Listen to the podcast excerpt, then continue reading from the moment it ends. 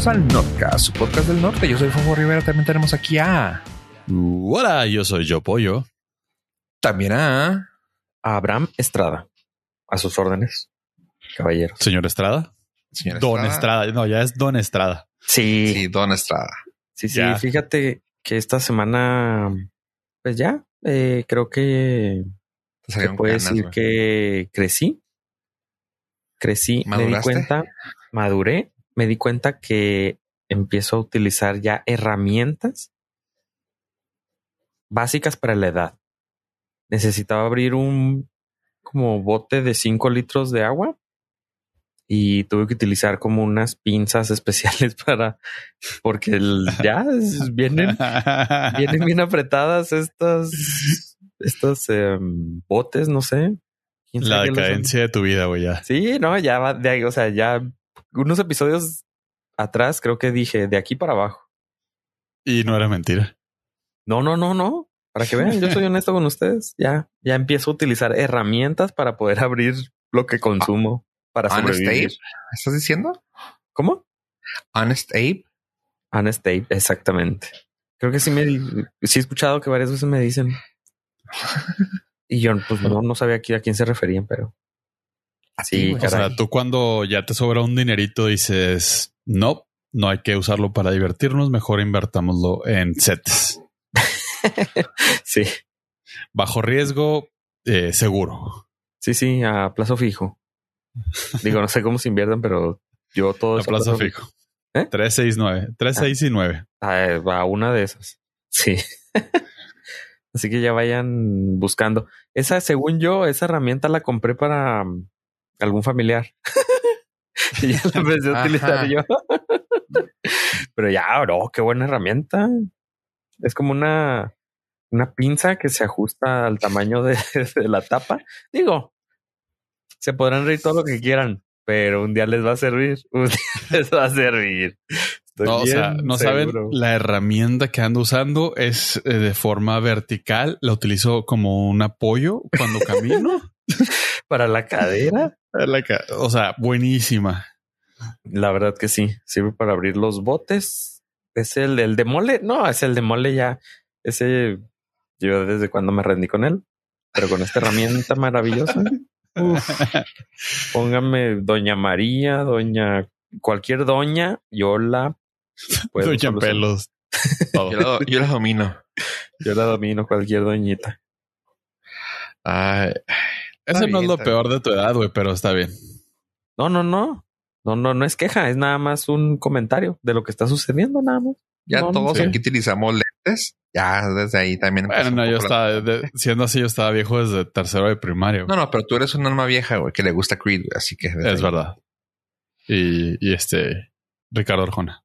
Sí. Hijo. Y Maná, güey. Y Maná, claro. A todo el mundo les gusta Maná, no saben. Sí, Es más. claro, todo el mundo. A Eh, todo mira, el mundo. Mis labios no están todo- compartidos. Mis labios no son divididos, mi amor. Bueno, sí, exageré, güey. Todos los que nacimos del, del, en el milenio anterior les gusta Maná. Que el- les dé vergüenza porque tienen tan baja autoestima que necesitan aprobación de gente de internet. Está bien. Sí, Pero a todos les gusta Maná. güey. A todos. No, Todo el mundo cantó Maná, güey. Todo el Es mundo que es una diferencia. Yo te puedo decir, sí, sí he cantado Maná, sí, sí me sé canciones, pero no me gusta, güey. Ay, O sea, no tengo ni una canción, güey, ¿Eres? ninguna parte de ellos. Eres la única persona en este honorable chat que fue a un concierto de Nickelback, güey. I rest my case. Y también de Maná, güey. Pero eso no, quita que no. O sea, esa es tu hipocresía al máximo. La gente lo tiene que saber. En fin, de hipotenusa, güey. Mira, Fofo, tú también fuiste pachuco. También bailabas mambo. Oye. Pues bueno, a lo que venimos. El señor Nintendo, eh, ¿trae unas noticias sobre Nintendo? ¿De cuál Nintendo? Es que hay varios Nintendo. El Nintendo, verde, güey. el Nintendo de, de Sony, güey. O el de. No, no sé. El, de ahorita es el Switch. las consolas de videojuegos, güey. Sí, ya mejor le decimos videojuegos. Trae esos de, de- Baja tu jueguito. el Game Boy, el Game Boy. Sí, fíjate que esta semana, bueno, no, esta semana antier, hubo un evento de Nintendo. Eh, duró como tres horas. Presentaron un chorro de cosas. Aquí va en los highlights. Kirby. Eh, Kirby para Switch. Es, una, es el hijo que tuvieron uh, Mario Odyssey. ¿Besares? Ah. Con Paco. No, Mario Odyssey con, con Zelda. Sí existe, güey. uh, Mario Odyssey con Zelda, Breath of the Wild. Es lo mismo. Estoy seguro que usaron el mismo código. entre programadores nos entendemos y estoy seguro que usaron el mismo código para hacer el jueguito, lo cual, eh, órale, chido. Kirby. Ese fue un jueguito chido que salió. Y lo más padre de todo, para, ahora que estamos hablando de la vejez, Nintendo tiene un... Uh, es que no sé cómo se llama, un servicio, sí, es un servicio de Nintendo Online, cuesta 40 dólares al año y es el que tienes que contratar si quieres jugar videojuegos eh, multijugadores a través de Internet. O sea, para conectarte a Internet con el Switch necesitas ese servicio. 40 dólares al mes. Pero, aparte de permitirte jugar en línea, tiene un emulador de Super Nintendo, de Nintendo, Super Nintendo, y acaban de anunciar que le van a poner el emulador de algunos videojuegos de Nintendo 64 y Sega Genesis. O sea, en el Switch vas a poder jugar algunos videojuegos del Nintendo 64 y Sega Genesis. Por si fuera poco, algunas personas me dijeron, ay, sí, pero con los controles se necesita el control del Nintendo 64 para poder jugar bien el Mario Kart, por ejemplo. Arróbame, güey, arróbame. yo no quise decir quién, yo no quise decir quién, pero bueno, Nintendo está un paso adelante que ustedes y va a vender los controles Bluetooth para el Nintendo Switch para que puedas jugar ya sin ninguna queja el Nintendo. Y eh, entre los juegos que están eh, lanzando para el, en, el este emulador del 64, pues el mejor de todos es el, el Mario Kart, que va a permitir jugar multi, eh, tener un juego en línea multijugador de cuatro. Cuatro personas van a poder estar jugando simultáneamente Mario Kart 64 en el Nintendo Switch. Y pues bueno, en el Sega Genesis van a estar eh, varios videojuegos clásicos, entre ellos el Golden Axe, el... Uh, se me olvidó uno otro de golpes, y el Sonic Hedgehog 2. Y ese es mi no resumen. Es correcto, güey. Ese es mi resumen del Nintendo Direct de esta semana, que pues sí, sí, sí me gustó mucho. No es correcto, güey. Tú y yo lo sabemos, güey ese va a ser el culpable de que ya no tengamos el N64 mini, güey. Sí, sí, tú, tú, tú, estabas esperando específicamente eso, ¿verdad? N64 mini porque necesito mi, mi mini consola de Nintendo 64 para que vaya bien con mis accesorios decorativos y poder jugar F0, el Ocarina of Time, viene. el Fox, ¿cómo se llama? Fox, Star Fox que también seguramente va a venir. Star Fox 64. Star Fox 64, el Super Mario 64 y Grand Theft Auto 5. Ah, no, no, o sea, creo que de los icónicos esos, pero híjole, güey, o sea, ay, cada vez lo ponen más difícil para no tener un, un, Switch, güey. Es que, es que imagina, si hubieran sacado la consola del Nintendo 64 Mini, como lo hicieron con el Nintendo y el Super Nintendo, a lo mejor no hubiera sido tan posible que pudieras tener Mario Kart 64 en línea, ¿sabes? Eh, o sea, pues en realidad sería lo más sencillo, ¿no? Pues ya es como cualquier juego multiplataforma. Es que no sé, ya hubiera tenido que ver el hardware también. O sea, aquí ya, ya lo tiene el hardware incluido, entonces nada más es en, software, nada más es ponérselo. Buen punto. Pero, digo, tampoco es como que la esencia del videojuego del. O sea, yo no, yo no planeo jugar juegos del Nintendo 64 para hacerlos en línea, güey. O sea, es lo que menos quisiera, güey. Quisiera regresar a lo que yo conocí, jugar solillo ahí mientras, este, no sé, pasa algo, güey. Pasa tu vida delante de tus ojos, güey. Pero pues, no necesito tenerlo en línea, güey. O sea, porque eran juegos que no estaban pensados en línea. Pero ahora ya están y estamos en pandemia se puede jugar en línea sin tener que vernos. Digo, no los vería aunque pudiera, pero Ah, este, no sé, no sé. O sea, sí entiendo el- las ventajas del Super Mario Kart y el F0. Ese también podría ser un buen juego en línea. El F0 va a estar el F0X. se llama. Sí, ese juego también está muy fregón. Pero, ay, no sé, no sé. O sea, eso, eso es como mi berrinche únicamente porque ya no tengo pretexto para no adquirir el, El Switch. el Switch, güey. Es que Sí, la ponen que, o más que- difícil. sí, güey. O sea, hay varios juegos del Switch que de por sí ya me gustaban y me gustaría entrarle, como el de Zelda Breath of the Wild.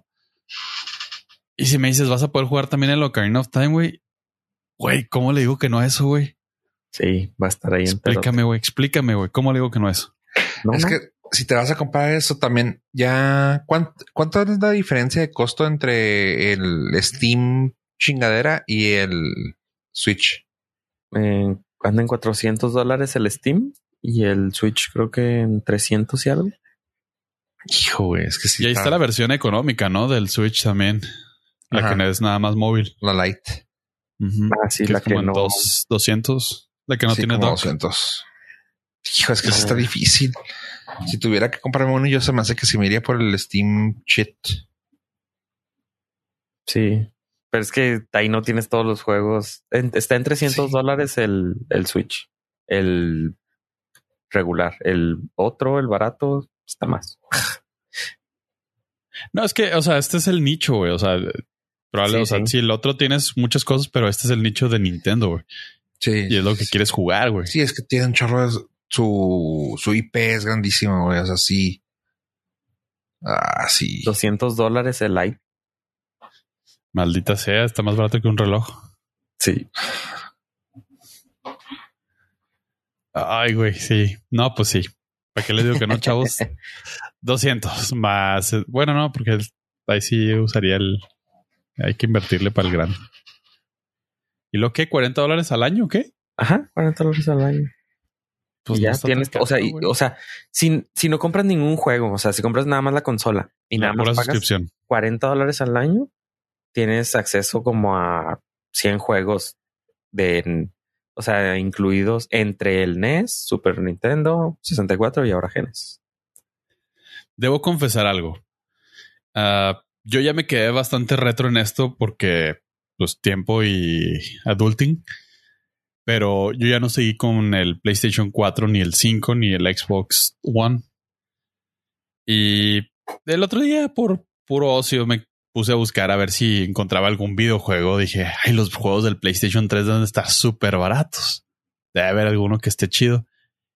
Güey, los juegos del PlayStation 3, mil varos, güey. Todavía. Ok, todavía. Mil varos. Porque ya no hay. Ah, ya son este vintage. Ajá, te vas a los juegos del PlayStation 4 y encuentras de 200, o sea, no sé, 200 pesos, 150, porque hay un Mm. chingo.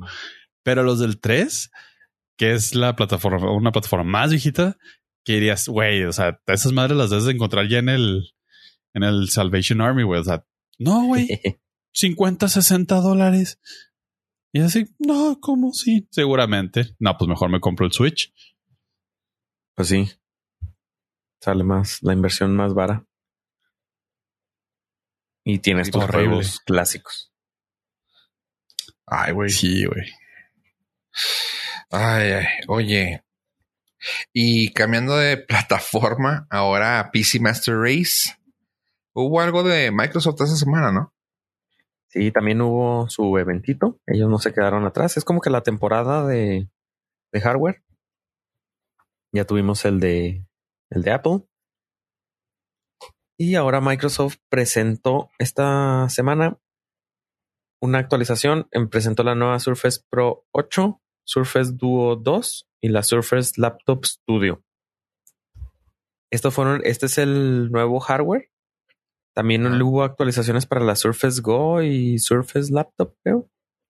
Pero, pues bueno, la, la Surface Pro, la que más llamó la atención fue la Surface Laptop Studio, que es una laptop que tiene, se puede convertir, es, difícil de explicarla, pero supongamos, abren la laptop regular y la pantalla se, se dobla de una forma que queda como tablet. eh, eh, tiene una bisagra en medio de la pantalla por la parte de atrás y se puede, se puede doblar así como la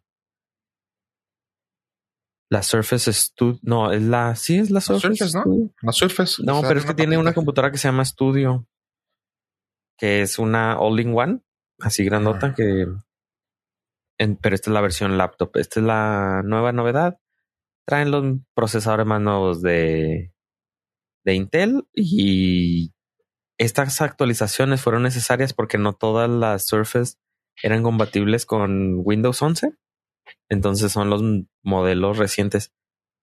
Eh, la Windows Surface, la Surface Laptop Studio, tengo que decirle Windows. La Surface Laptop Studio está en 1600 dólares y trae obviamente su pantalla touch, ya trae sus 120 Hz. Es una pequeña laptop híbrida tablet de 14 pulgadas y también actualizaron el Surface Duo 2, que es el este teléfono que antes de la pandemia prometía mucho y llegó la pandemia y como que tuvo su bajón. Le actualizaron, los expertos dicen que le actualizaron todos los detalles que le hacía falta a la 1, que la verdad pues no, no podría decirles con, con exactitud que, que porque pues, para mí la 1 se veía chida, pero traía eh, mejoras en las pantallas, mejoras en las cámaras y traen entre las dos pantallas cuando lo cierran, trae una pequeña pantallita como si fuera era pues, entre, entre las bisagras que te muestra unas notificaciones. Como Este los Samsung que tenía, los Samsung Edge, ¿no? Que tenían ese tipo de notificación en la orillita del vidrio. Sí, para que no tengas que abrir la. Este es un teléfono Android que tiene dos pantallas que se abren. Entonces, este teléfono sale en 1500 dólares. Ah, O sea, estás hablando que la, No la Surface Laptop Studio es de 1600 y este pequeño teléfono es de 1500 dólares. sí, oye. Está. Sí, sí está chido. Eh, De los que se doblan, creo que es el que más me ha gustado porque no pega las pantallas haciéndola una sola, sino como que te permite tener las dos eh, por separado. Entonces creo que es el que más me llamaría la atención si necesitara un teléfono de este tipo, pero aunque lo necesitara, no tengo el presupuesto para gastar 1500 dólares en, en un teléfono. Y lo voy a decir que, que en dos años ya no me van a actualizar. La verdad, la verdad. Y actualizaron la. También anunciaron la Surface Pro 8, que es la. como la. ah, tablet, Tal vez computadora en. Este, insignia de Microsoft. Y pues bueno, esta sí es una tablet que se le puede colocar un, un teclado. Esta sí está más diseñada como tablet. Esta tablet ya está en mil dólares, mil cien dólares. Y ya es la, la tablet como que insignia de con la que quiere llegarle, yo creo, más al mercado de la iPad Pro. Podría ser la competencia. Y pues también trae una batería de todo el día, trae su procesador de última generación de Intel. Y eso fue lo, lo que anunció Microsoft esta semana. Ok. Sabes que yo sí me. Yo odiaba todo lo de Surface. Lo odiaba. Te estoy hablando de todo el material que salió el 1 y el 2. Ajá. eh, por todas las limitantes que tenían por los procesadores, ¿no? Que no te sacaban el Windows RT. Así que, güey, o sea, es una, es- me estás vendiendo una laptop. O sea, tú la vendes como laptop, vamos. Y resulta que no le puedo Ajá. meter nada, no la puedo actualizar, no le puedo hacer nada. O sea, hasta aquí llego y se acabó. O sea, tal vez haya sido pensado como un te- como teléfono, güey. No, no sé. Se me hacía muy limitante, muy limitante para una cosa tan cara. Eh, estoy hablando de las primeras. Y hace relativamente poco tuve oportunidad de utilizar una de las nuevas versiones. Creo que, creo que fue las seis o siete. Una de esas dos fue. Y me quedé de wow. O sea, qué cambiazo de lo que, de la mala, del mal sabor de agua que tenía en los anteriores. Dije, güey, qué chingón es esta laptop. O sea, esta tablet o como la quieras llamar. Esta Surface, güey. este, de que fue un giro completamente así de wow. O sea, no pude decir nada mal de ella. O sea, eh, trabajaba súper bien, súper rápido, funcional, la puedes borrar, la puedes poner lo que quieres, le puedes, o sea, se me hizo así de que un cambio como que, como que se escucharon a los clientes, güey, y dije, vamos a hacer algo mejor. Y ahorita si, si pudiera darme el lujo de comprarme, o sea, de tener ya mi Mac y tener otra, se me hace que se me iría por una Surface. Sí, bueno, ya después te estás hablando que la sexta iteración, ya como que debieron de haberle aprendido algo, ¿no? Sí, sí, sí. Pues, Pero sí. Uno esperaría y muchos que no, güey. Sí, sí, son, son computadoras que, que ya empiezan a, pues a dejar de ser como de, ¿qué será? Como de juguete o como de principiante, ¿no? O sea que ya, ya las puedes dar carrilla. Sí, o sea, como, como que sacan las primeras de prueba, güey. O sea, como tipo ni siquiera betas, unas alfas así como que, ah, mira, aquí están, ¿eh? es la prueba que estamos sacando para ver si les gusta. Y ahora sí es como que aquí ya están, este ya se pueden usar, ¿eh? Sí, sí. Early adapters, pues como que sí fueron muchos early adapters con esas y yo, ay, güey, el Windows. lo, lo, único que no me gusta de la Surface, que no sean, que no, que no dicen laptop, es, es cómo tienen una bisagra atrás. O sea, es que son tablets al final del día. Entonces no, no me veo utilizándolas, por ejemplo, en, en una silla y en mis piernas. Son como un poco incómodas. Entonces, me, si yo tuviera que comprar una de esas, me iría por alguna laptop que, que, tiene su bisagra y que sí se, se cierra con su teclado bien. Como una laptop. También como, como, como tablet no se siente suave. O sea, el teclado no es tan funcional como en un iPad. El teclado eh, digital. Ajá. Está, y eso sí es una cosa como que me, me desanima para usarlo como tablet. O sea, es una computadora. Yo la veo como una computadora. Sí. Que es muy portátil, pero es una computadora.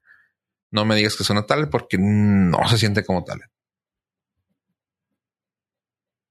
Y ese fue todo el, el, evento de Microsoft. de Microsoft y ya nada más estamos esperando Windows 11. Ya lanzaron la aplicación que te permite identificar si tu computadora va a ser compatible o no.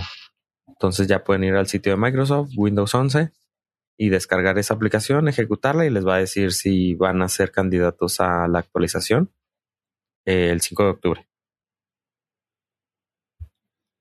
No, no, Espero que sí, güey.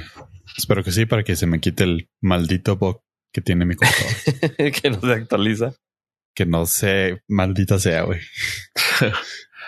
Oye, y hablando de maldecir, no sé si sea bueno que toque este tema contigo, pollo, pero sé que salieron cosas nuevas de Star Wars, pero ¿estás listo para hablar o es algo que está todavía sensible para ti? Ah, lo de Ryan Johnson ya lo dejé atrás, güey. No, no, Entonces ya vamos a avanzar. El Animatrix de Star Wars. A mí sí me gustó. Sí. Sí, no sé ah, por qué sería sensible, tema sensible. No, no, no, porque luego puede ser que también te haya pasado así como a alguien que no le gustó Animatrix. Pero ya sabes cómo es la gente ridícula, güey. ok. No le, no le gusta experimentar cosas nuevas. Arróbame, cobarde. y para que vean, si, lo, ah. terminé de ver al final. ¿Ah, sí? ¿Animatrix? ¿Y ¿Tus impresiones finales? Eh, pues nada más te da poquita información de cómo fue antes y ya. Pero. No te estorba. No, no, no, para nada. No, no siento que me perdí tiempo. Ok. Bueno, pues lo importante es que hay salud. eh. eh, bueno, en la sección de Star Wars. Está Star Wars. Se acaba de estrenar en Disney Plus la, una antología que se llama Star Wars Visions. Y a diferencia de lo que regularmente estaba haciendo Disney Plus, que era poner un episodio por semana, ahora sí nos dejaron este la accesibilidad. Ah, pensaban que me iba a ir grosero, ¿verdad, chavos? No, nos dejaron la accesibilidad de los nueve episodios, lo cual en esta ocasión creo que fue un error. Oh, que la no, hombre, ti nada te acomoda. Sí, sí, sí, sí. Y el, los nueve episodios son, son cortitos, son eh, literal. Hay algunos de 15 minutos. El, creo que el más largo es como de 30 o un poquito menos. Son uh, interpretaciones libres de historias de Star Wars en conceptos de anime Japón. Bueno, sí, anime o japonés, caricaturas japonesas, los monitos. Las monas chinas. Eh, y están, eh, son, los nueve son separados, no tienen nada que ver uno con otro, están libres, no hay secuencia, o sea, no hay, no hay línea de, de animación, unos son más dark, otros son más, este, más redonditos. Eh, eso, es, eso es la antología. Eh, una antología. No, no, porque puede ser nada más eh, diferentes historias que no tengan nada que ver, como varias cosas que hasta ahorita en Amazon Prime que no están tan chidas como solos. Pero lo interesante aquí es que, eh, bajo mi punto de vista, no vale la pena aventárselas seguidos porque no están tan chidos y te, o sea, si te las avientas seguiditos, te saturas. Y ahí es donde creo que le hubiera servido tener uno por semana o dos por semana, lo mucho, porque lo hubieras, los hubieras visto y hubieras dicho, órale, qué chido. Algo refrescante, una visión diferente de. Ah, vieron una visión porque es Star Wars Vision. Soy tremendo. Uh, hubieras dicho, mm, ok, hubieran contratado a Ryan Johnson ahora sí para que hiciera un desmadre Lo y que fuera feliz el güey. Ajá, sí. Este perfectamente cabría, pero al tenerlos todos y pues si eres atascado como yo, pues te aventaste la mayoría y dices, eh, ok, ok, está bien. Es un, una temática de Star Wars, como que la esencia nada más, pero sí te saturan un poquito. No, no me arrepiento de haberlos visto, pero sí me arrepiento de haberlos visto seguido. Si los hubiera dejado marinar cada episodio dos, tres días, me he dicho, órale, me gustó. Está innovadora la idea. No está mal. No sé si alguien de ustedes ya lo vio. No, yo no, no me los aventé. Vi, creo que un trailer o algo así. Y sí vi que era como, o sea, cada episodio tenía su, su estilo propio, como Animatrix. Entonces dije, ah, mira, Anim Animatrix de Star Wars. y ya. Básicamente, la vi. eh, eh, tiene 7.7 en los colegas de IMDB. Está refrescante la idea. O sea, es como que parte de lo que los fans de Star Wars siempre hemos querido que tengan libertad de hacer lo que quieran, alejándose del canon. O sea, pues sí, güey, puedes hacer mil chingaderas y nada más, pues no le pongas canon y ya. O sea, O sea, es lo que es te iba a preguntar. ¿No afecta nada? no, nada, nada. Es, es libre. No cuenta. En realidad, pues no cuenta nada de Star Wars más que los. Está como inspirada en Ok. y conceptos de, ah, sí, un lightsaber, pero pues es totalmente una, una katana con de luz, güey. O sea, cositas así. Ah, ¿Vale la pena verlos? Sí, si les gusta Star Wars o si les gusta el anime, este, están ahí. Yo les sugeriría, aviéntense el primero y el último y lo dejen marinarlo un rato. a un, no sé, unos tres o cuatro años y luego se aventan el 2 y el. Nada, nada, pero sí unos, un- unos días. No, no se van tan atascados, aunque están cortitos, porque se pierde un poquito como la esencia o lo, o lo, lo grandilocuente que puede llegar a ser ver cosas nuevas de Star Wars. Pero ese no era la chismecita que les iba a contar el día de hoy acerca de Star Wars. Hay más carnita detrás del mito. ¿Quieren saber qué es? Estamos- Por güey, no, favor. no estamos ni parando, güey, para que lo oigas. Perfecto. Es que como no los veo, No sé si ya se desmayaron de la emoción. Probablemente. bueno, el tema en realidad de Star Wars, aparte de Visions, que fue como un, una llamarada de una llamarada de aire. Ah, la ex esposa de George Lucas, que si mal no recuerdo se llama Marcia Lucas. Eh, cabe destacar que nunca se quitó Lucas, yo tampoco lo hubiera hecho. Dio unas declaraciones que fueron brutalmente honestas y ha vuelto a incendiar nuevamente el fandom, separándolo entre pre-Disney y post-Disney. A lo que destaco. Se bien, empieza diciendo, me agrada Kathleen Kennedy, a.k.a. Lady Palpatine. Es como cuando dices, no soy ojete, pero, o no voy a ser brutalmente honesto, pero, así empezó Marcia. Me agrada Kathleen. Siempre me ha agradado. Pero no tiene ni perra idea de lo que es Star Wars y hizo puras chingaderas. Sus secuelas, tanto ella como J.J. Abrams y este Ryan Johnson, dice, nunca entendieron lo que es Star Wars. Nunca entendieron el concepto. Nunca entendieron que era una historia de Jedi. Nunca entendieron la magia detrás de. Dice, ¿a quién se le ocurre matar a Han Solo? Spoiler alert. Dice, me agrada Kathleen Kennedy, pero uh, no, ellos realmente lo suyo es el dinero y no tienen la menor idea de lo que se trata Star Wars. Me gustaría, dice, se me hizo muy chingón porque dice, si quieren que me citen, uh, you can quote me on this. Dice, Kathleen, JJ, háblenme para que les dé una idea de lo que realmente es Star Wars. Y digo, oh, oh turned out for what? Dice, no es posible que hayas matado a Han Solo, no es posible que hayas matado a, Luke Skywalker, que lo hayas pendejeado y que lo hayas uh, dejado sin usar durante toda una película. En la del episodio 7. Dice, pues lamentablemente perdimos a, a la princesa Leia. Dice, entonces echaste a perder todo tu proyecto. Todo. Todo. Por eso la gente odia las secuelas.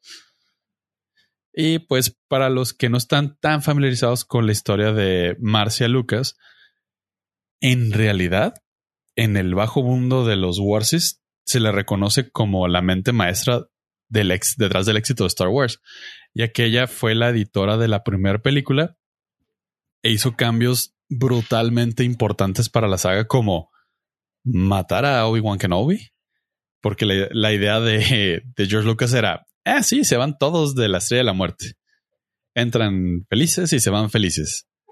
Y dice, mm, no, porque pues no tiene sentido que lleguen ahí y se vayan todos. No hay riesgo, no hay nada, no, la historia no avanza. Dice, para que Luke avance tiene que morir Obi-Wan.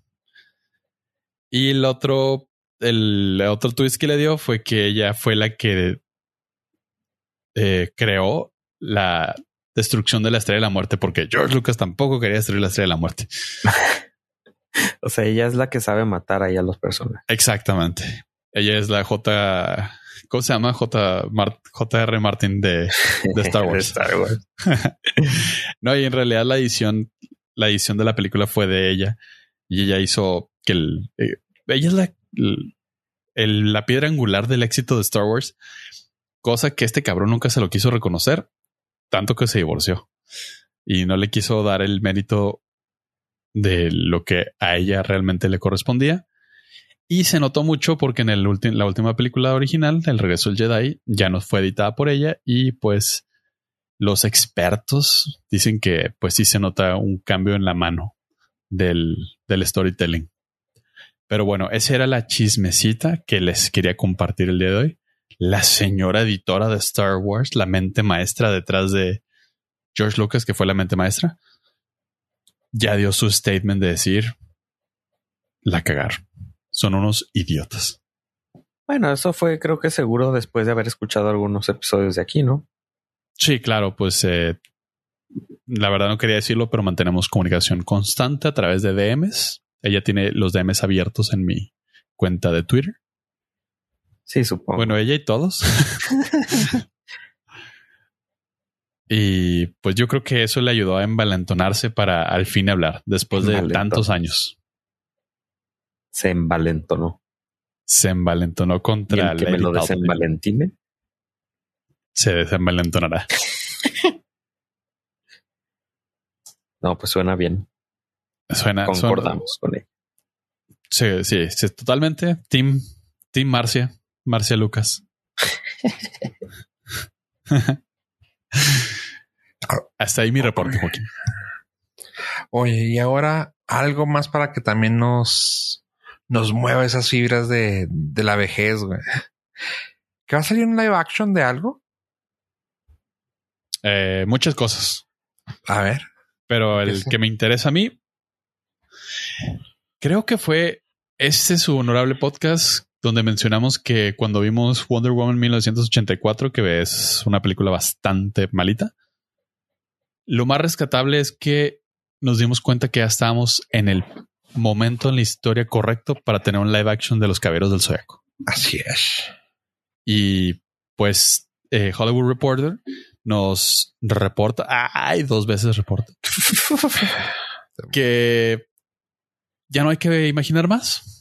Ya han confirmado el cast que va a ser el live action de los Caballeros del Zodiaco, los Knights of the Zodiac, aunque muchos piensan que no tiene ese nombre, pero desde que Netflix tomó la franquicia ya también se llaman así.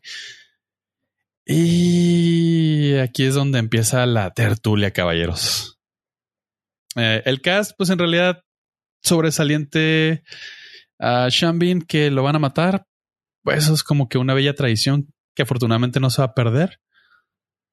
Eh, Shambin, para los que no recuerden, es el de Game of Thrones, que lo matan. Es el de Lord of the Rings, que lo matan. es el de Die Hard, que lo matan. De equilibrio, que lo matan. De equilibrio, que lo matan. Ah, en realidad, incluso fue tanto su mame que hubo una petición muy fuerte en internet de que ya no mataran a Shambin en las películas. Claramente no tuvo éxito porque necesitaba morir. Eh, entonces, fuera de eso, pues el cast, pues es no, no, hay nada, no hay nada hiper sobresaliente, lo cual está bien. Pero la película la va a tener, va a ser eh, en conjunto de Toy Animation con Sony. Y tengo miedo. O sea, puede que salga muy bien, como Wonder Woman 1984, que visualmente sea muy buena y muy apegada a lo que nosotros imaginaríamos que se verían las armaduras en live action. O puede ser un experimento tipo Dragon Ball Evolution donde dices, hijo de tu madre, ¿por qué tomaste mis recuerdos de la, de la niñez y la destruiste con tu whitewashing y tu idea gringa de hacer las cosas? Entonces, o sea, tengo, o sea, estoy ahí, el 50-50. sí, 60-40. 60-40. ¿Qué? Creo que la van a regar más a que salga bien. Mira, me ha aventado cosas de Nicolas Cage, güey. Por gusto, güey. que no me aviente esta, güey. Dead Note, güey. Exactamente, güey. O sea, o sea, pero, o sea, tienes un Dead Note que no está tan difícil de hacerla bien, güey. Hicieron una estupidez completa. La cosa es que hay un chorro de historias de, de Caballero del Zodíaco, güey, que pueden agarrar o pueden reescribir y pueden mandarlas a la fregada. Es que no se sabe, güey. Puede ser que visualmente esté buena o puede ser que la historia esté buena, pero visualmente vaya a... O sea, hay muchas cosas por donde fallar, güey. tenemos una idea muy... O sea, vamos, tenemos una imagen muy idealizada de lo que podría ser un live action, güey. Y, ay, güey, está difícil. Me agüitaría menos que visualmente se viera fea y la historia estuviera chido, güey. O sea, diría, órale, respect. Pero que visualmente diga, ay, no mames, Ay, el dinero que le metió, no sé, güey. ¿Quién más? ¿Dijiste Sony y quién? ¿Toy? Sony Toy Animation. O sea, hay un chingo de lana, güey. Deben de hacerlo bien, pero puede ser que no, güey. Puede ser que sea otro, no sé, Rey Escorpión, güey. O sea, ¿Sabes, ¿Sabes qué me da miedo? Que la última reinterpretación gringa de los Caballeros del Zodiaco, que fue la de Netflix, animada, está horrible, güey. Horrible. sí, sí, sí. Y ya disparan, güey. O sea, son antibalas los güeyes. O sea, cosas que dices, no, güey, no había necesidad de irte para allá. Le estás quitando no lo no mío. la o sea, vi, güey. Qué bueno que me dices. Hijo, no mames, ese es uno. Está horrible, horrible. Es, es, una de las peores cosas que he visto en Netflix. Y Le vaya disparan. que Netflix tiene, tiene muchas cosas muy malas. Este, como que hay, hay una fal, hay un, como que un, una mala interpretación de que si haces un live action lo tienes que traer a la actualidad. Así, no, no necesariamente. O sea, puedes hacerlo en 1700 y va a jalar chido, güey. O sea, En 1984. ajá, y va a jalar chido, güey. Porque la música en ese entonces era este locochona. Pero tú, Ave, a ver, tu opinión. Ah, yo los voy a defraudar. como, como millennial, viste los caballeros del zodiaco. Los voy a defraudar. Precisamente los vi, pero nunca me gustaron. Y nunca me llamaron la atención y nunca los vería más. no, nunca ¿Tanto me así? gustaron. Sí, no, no, no, no fui fan. Sí, ¿Quién te llegué hizo a querer tanto el daño, monito. Llegué a querer el monito de Bandai porque pues era del monito de Bandai, pero fue todo. Llegué a ver dos, tres episodios y siempre no, no fue, nunca fue mi hit. Ok. Suele. No sé quién te hizo tanto daño en la vida, güey. Ahora vi que Lil Nas X en el Met Gala podría ser un personaje. de- sí.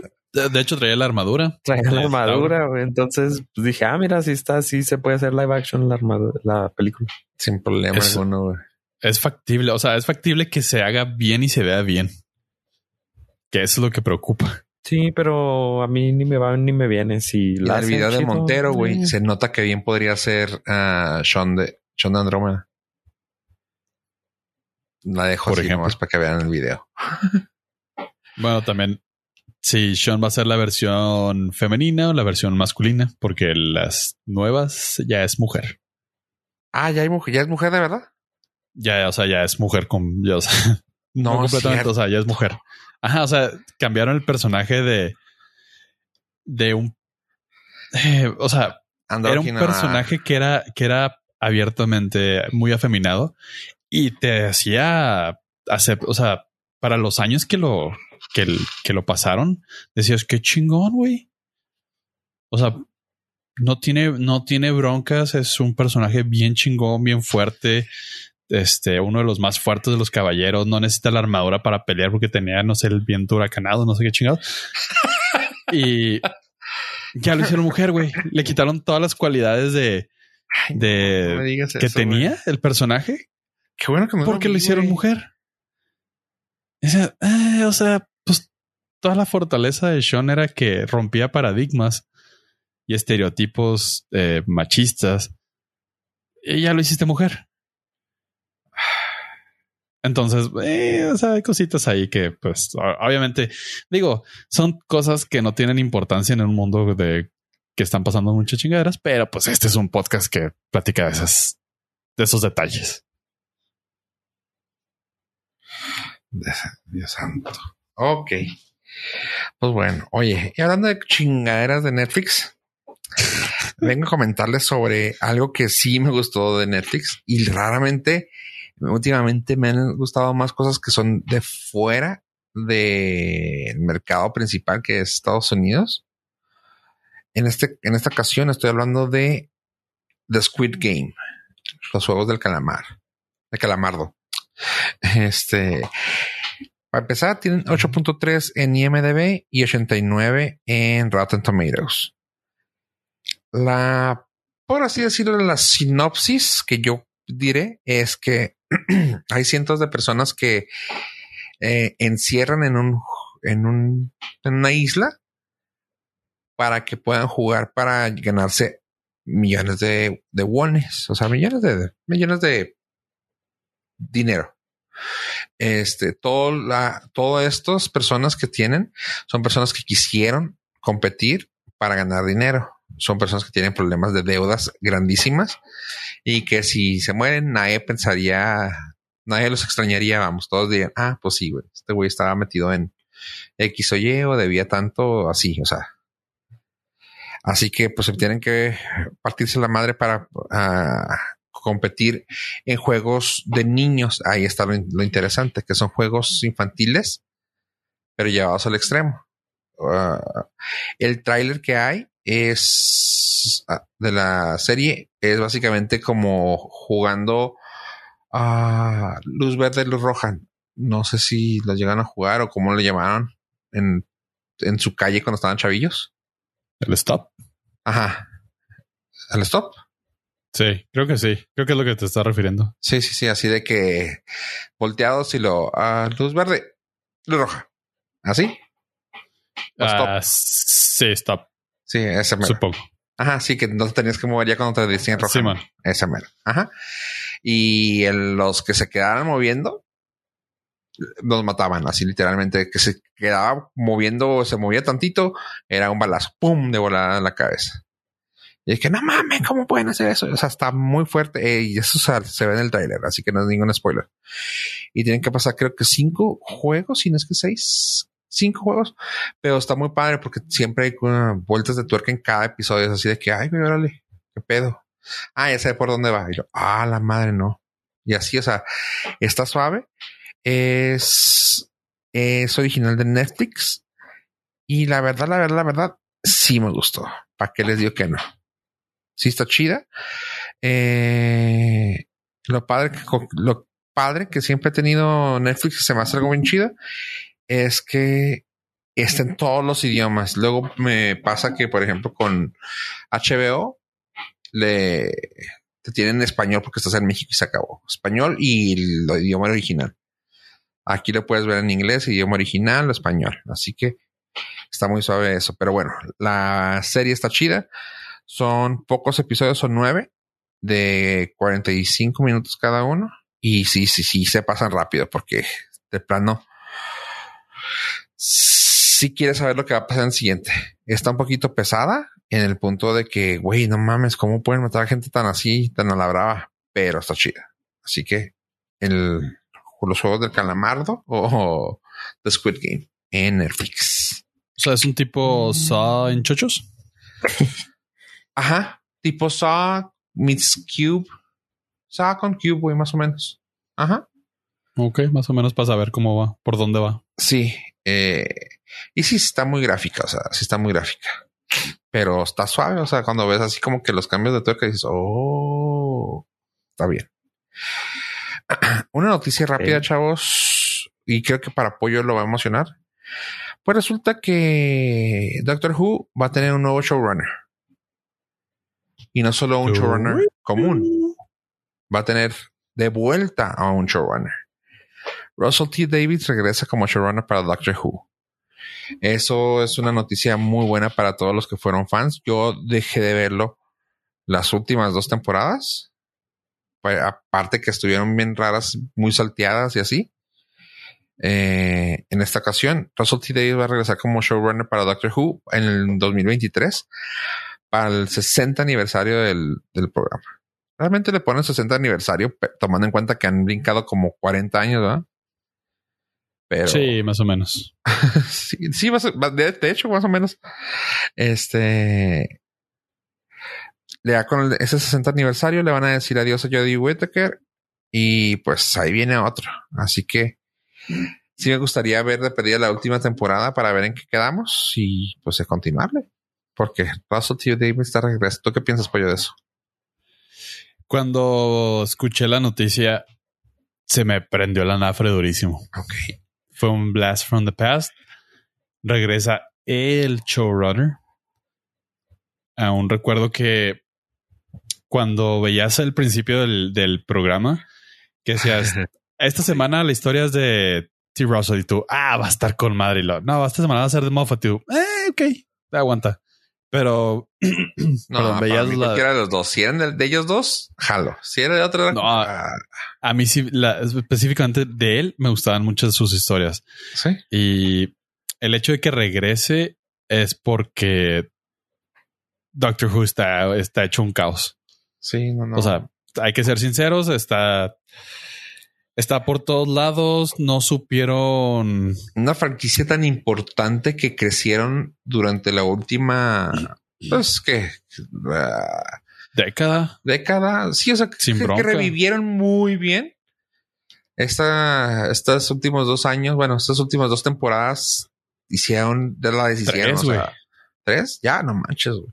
Sí, son La tres de, o sea, de- fue así de que para mi gusto, una franquicia que ya estaba su- surgiendo al, a la cultura pop, güey. O sea, era como de nicho antes y ahora ya era parte de la cultura pop, güey. O sea, ya la gente ya lo reconocía, ya sabía ah, de que pues, el bow ya sabía que una fedora, ya sabía, o sea, cositas así que dices tú, órale, güey, qué chido.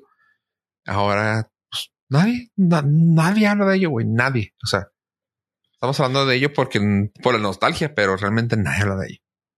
Eh, yo, yo ahí culpo al- a la BBC que no se preparó para la vida después de Moffat. O sea, fue, fue- no tenían como que un plan o una estrategia. Fue así como que Moffat se va y así eh, sí, seguramente cualquier güey puede, puede tomar este proyecto. Lo que sí me agüita es que echaron a perder completamente la primera aparición de la doctor. Ajá. Y eso estuvo, eso estuvo muy feo porque ah, Jodie Whittaker no estaba mal, lo estaba haciendo muy bien, pero sus historias estaban horribles. Yo vi la primera temporada de ella y ay, me costó mucho trabajo. No se, Sí. no se sintió, no se sintió Doctor Who. Y, y eso está, eso está feo porque creo que realmente su personaje tenía mucho para dar. Ella lo hacía muy bien, pero pues no había conexión, no había, o sea, eran, no, no había corazón ahí. No había una, una intención detrás de todo. No había un plan maestro en mi, en mi, a mi parecer, que es algo muy Doctor Who. O sea, todo, todo escalaba para ese gran evento de la temporada que conectaba con los 10 grandes eventos de atrás. Y pues no, no pasó. El regreso de, de este güey va a estar muy chido. Va a haber nuevo doctor porque se despide ella. Y supongo que para el aniversario cin- 60 va a estar increíble. El aniversario 50 es magnífico. Nos presentaron a, a 10 y a 11 junto con el World Doctor, lo cual Sí. estuvo fregoncísimo. Güey, parece que fue ayer, no mames. Simón. Así que, pues, kudos por BBC. Nada más mi única queja es que no hay una manera sencilla de verla en Latinoamérica de, mon- de forma legal. Es una patada en la ingle querer ver Doctor Who sin tener que recurrir a medidas extremas. Sí. Ay, sí, sí, pues es que un- por un tiempo lo tuvo Netflix y luego lo tuvo Amazon, ¿verdad? Lo tuvo Netflix completo. No, lo soltó Netflix y ya nunca más lo, lo tuvieron en, en la TAM. Cuando llegó HBO Max, estábamos muy emocionados porque en Estados Unidos lo tiene HBO Max, pero la licencia no llegó a este lado del charco. Ok. Creo que lo puedes ver en Showtime, ah, no, un canal así, esos raros que tienes que pagar aparte, pero pues lo tienes que cachar y nada. O sea, ¿qué es esto? 1999. Ay, pues a a Ave no le gustaba. Nah, nunca he visto nada, no. Ese está peor que los caballeros del zodiaco para mí. No sé ni quién es quién, no sé de qué trata, nunca he visto ni medio episodio. Nada más conozco la cabinita y ya. Con eso tienes más del muy chido. 50% de la historia. ya te No, pues puedes eso, considerar eso fan. habla, eso habla del- de la relevancia del de lo que alcanzó a llegar a ser Doctor Who. O sea, alguien que no conoce absolutamente nada, o sea, ubica algo de, de la, de la franquicia. Está chido. Oye, Y lo Pues- otro, pues sabemos que Abel lo dejaron caer de bebé y pues no tiene buen gusto. Aparte. Le hice Nintendo las cosas, güey. O sea, a todo. Oye. Y pues por último, tengo una pequeña reseña así rapidota sobre la película Candyman, de la cual hablé hace como 60 episodios, si no es que 100. Esa película que tanto estaba alardeando todo el mundo, porque pues bueno, porque venía de la mano de Jordan Peele como productor. Y tengo que decir, la película se siente como película de Jordan Peele, a pesar de que nomás es solo productor. Tiene ese, yo no sé cuál que sientes que es una película que trae un mensaje uh, social, cosa que la película pues realmente antes era de puro terror y se chingó. Ahorita ya es un mensaje social, pero lo aterriza bien, o sea, bien ish. Ah, pero al, al, mismo tiempo te aleja del horror que normalmente había, del terror que normalmente había, de que no tiene por qué y eso da miedo. Ahora que ya tiene un tipo de movimiento social ahí, dices tú, ah, te desconecta. La película está pasable. Pasable, o sea, pasable. Yo si le tuviera que dar de cinco en el castito, daría dos y medio, dos, más o menos. Oye, ¿eso es pasable? Pues sí, pues está, está a la mitad, güey. Es un cinco, cinco y medio, seis. O sea, pasable. No estoy diciendo que no la vean como a veces sí lo, lo, lo hago. Esa sí está como que me. O sea, si les gusta y si tienen algún recuerdo de la franquicia original, aquí está. O sea, hay mucho para donde haber podido jugar. Uh, te hicieron ver que había otros tipos, otros Candyman y aquí Candyman eh, y no lo aterrizaron chido. Honestamente no se me hizo tan chida. Sí dejaban abierta un espacio grandísimo para secuela, pero pues ahí está. Tiene en IMDB 6.1 y con Rotten Tomatoes 73% con audiencia. Lo cual me hace saber que pues también a la gente como que no, no les gustó del todo. Es todo, chavos. Me da mucha tristeza tenerlo que decir de esa manera, pero.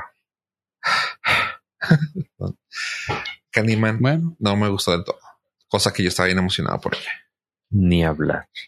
Pero sí, bien raro. Un, fue un follow-up. Fue un follow-up muy lejano. Sí. ¿Sabes que Lo que más me agüitó es eso, o sea, de que sé que era una película de este vato, o sea, que tenía su mano, pero a mitad de la película dije, güey, es una película de este güey. O sea, hubo así las escenas, las, el, el, ambiente, el ambiente más que nada, se sentía así de que es una película de Jordan Peele, güey. Yo, mmm, ah, no estoy diciendo que eso por eso sea mala. Realmente, pues las películas de ese güey me han gustado bastante, pero no, no la siento que hubiera sido para esta. Güey. Esta era una slasher fin que no necesitabas más, o sea, y pues, mmm, órale, gracias por el mensaje. Y es todo, chavos. Pues. Se quedaron muy tristes. Qué candy, man. Ay, híjole, con eso nos despedimos y les damos las gracias a nuestros Nord listeners por nuestro acompañado. Ave. Truco trato. Gracias por escucharnos, gente. Adiós, adiós.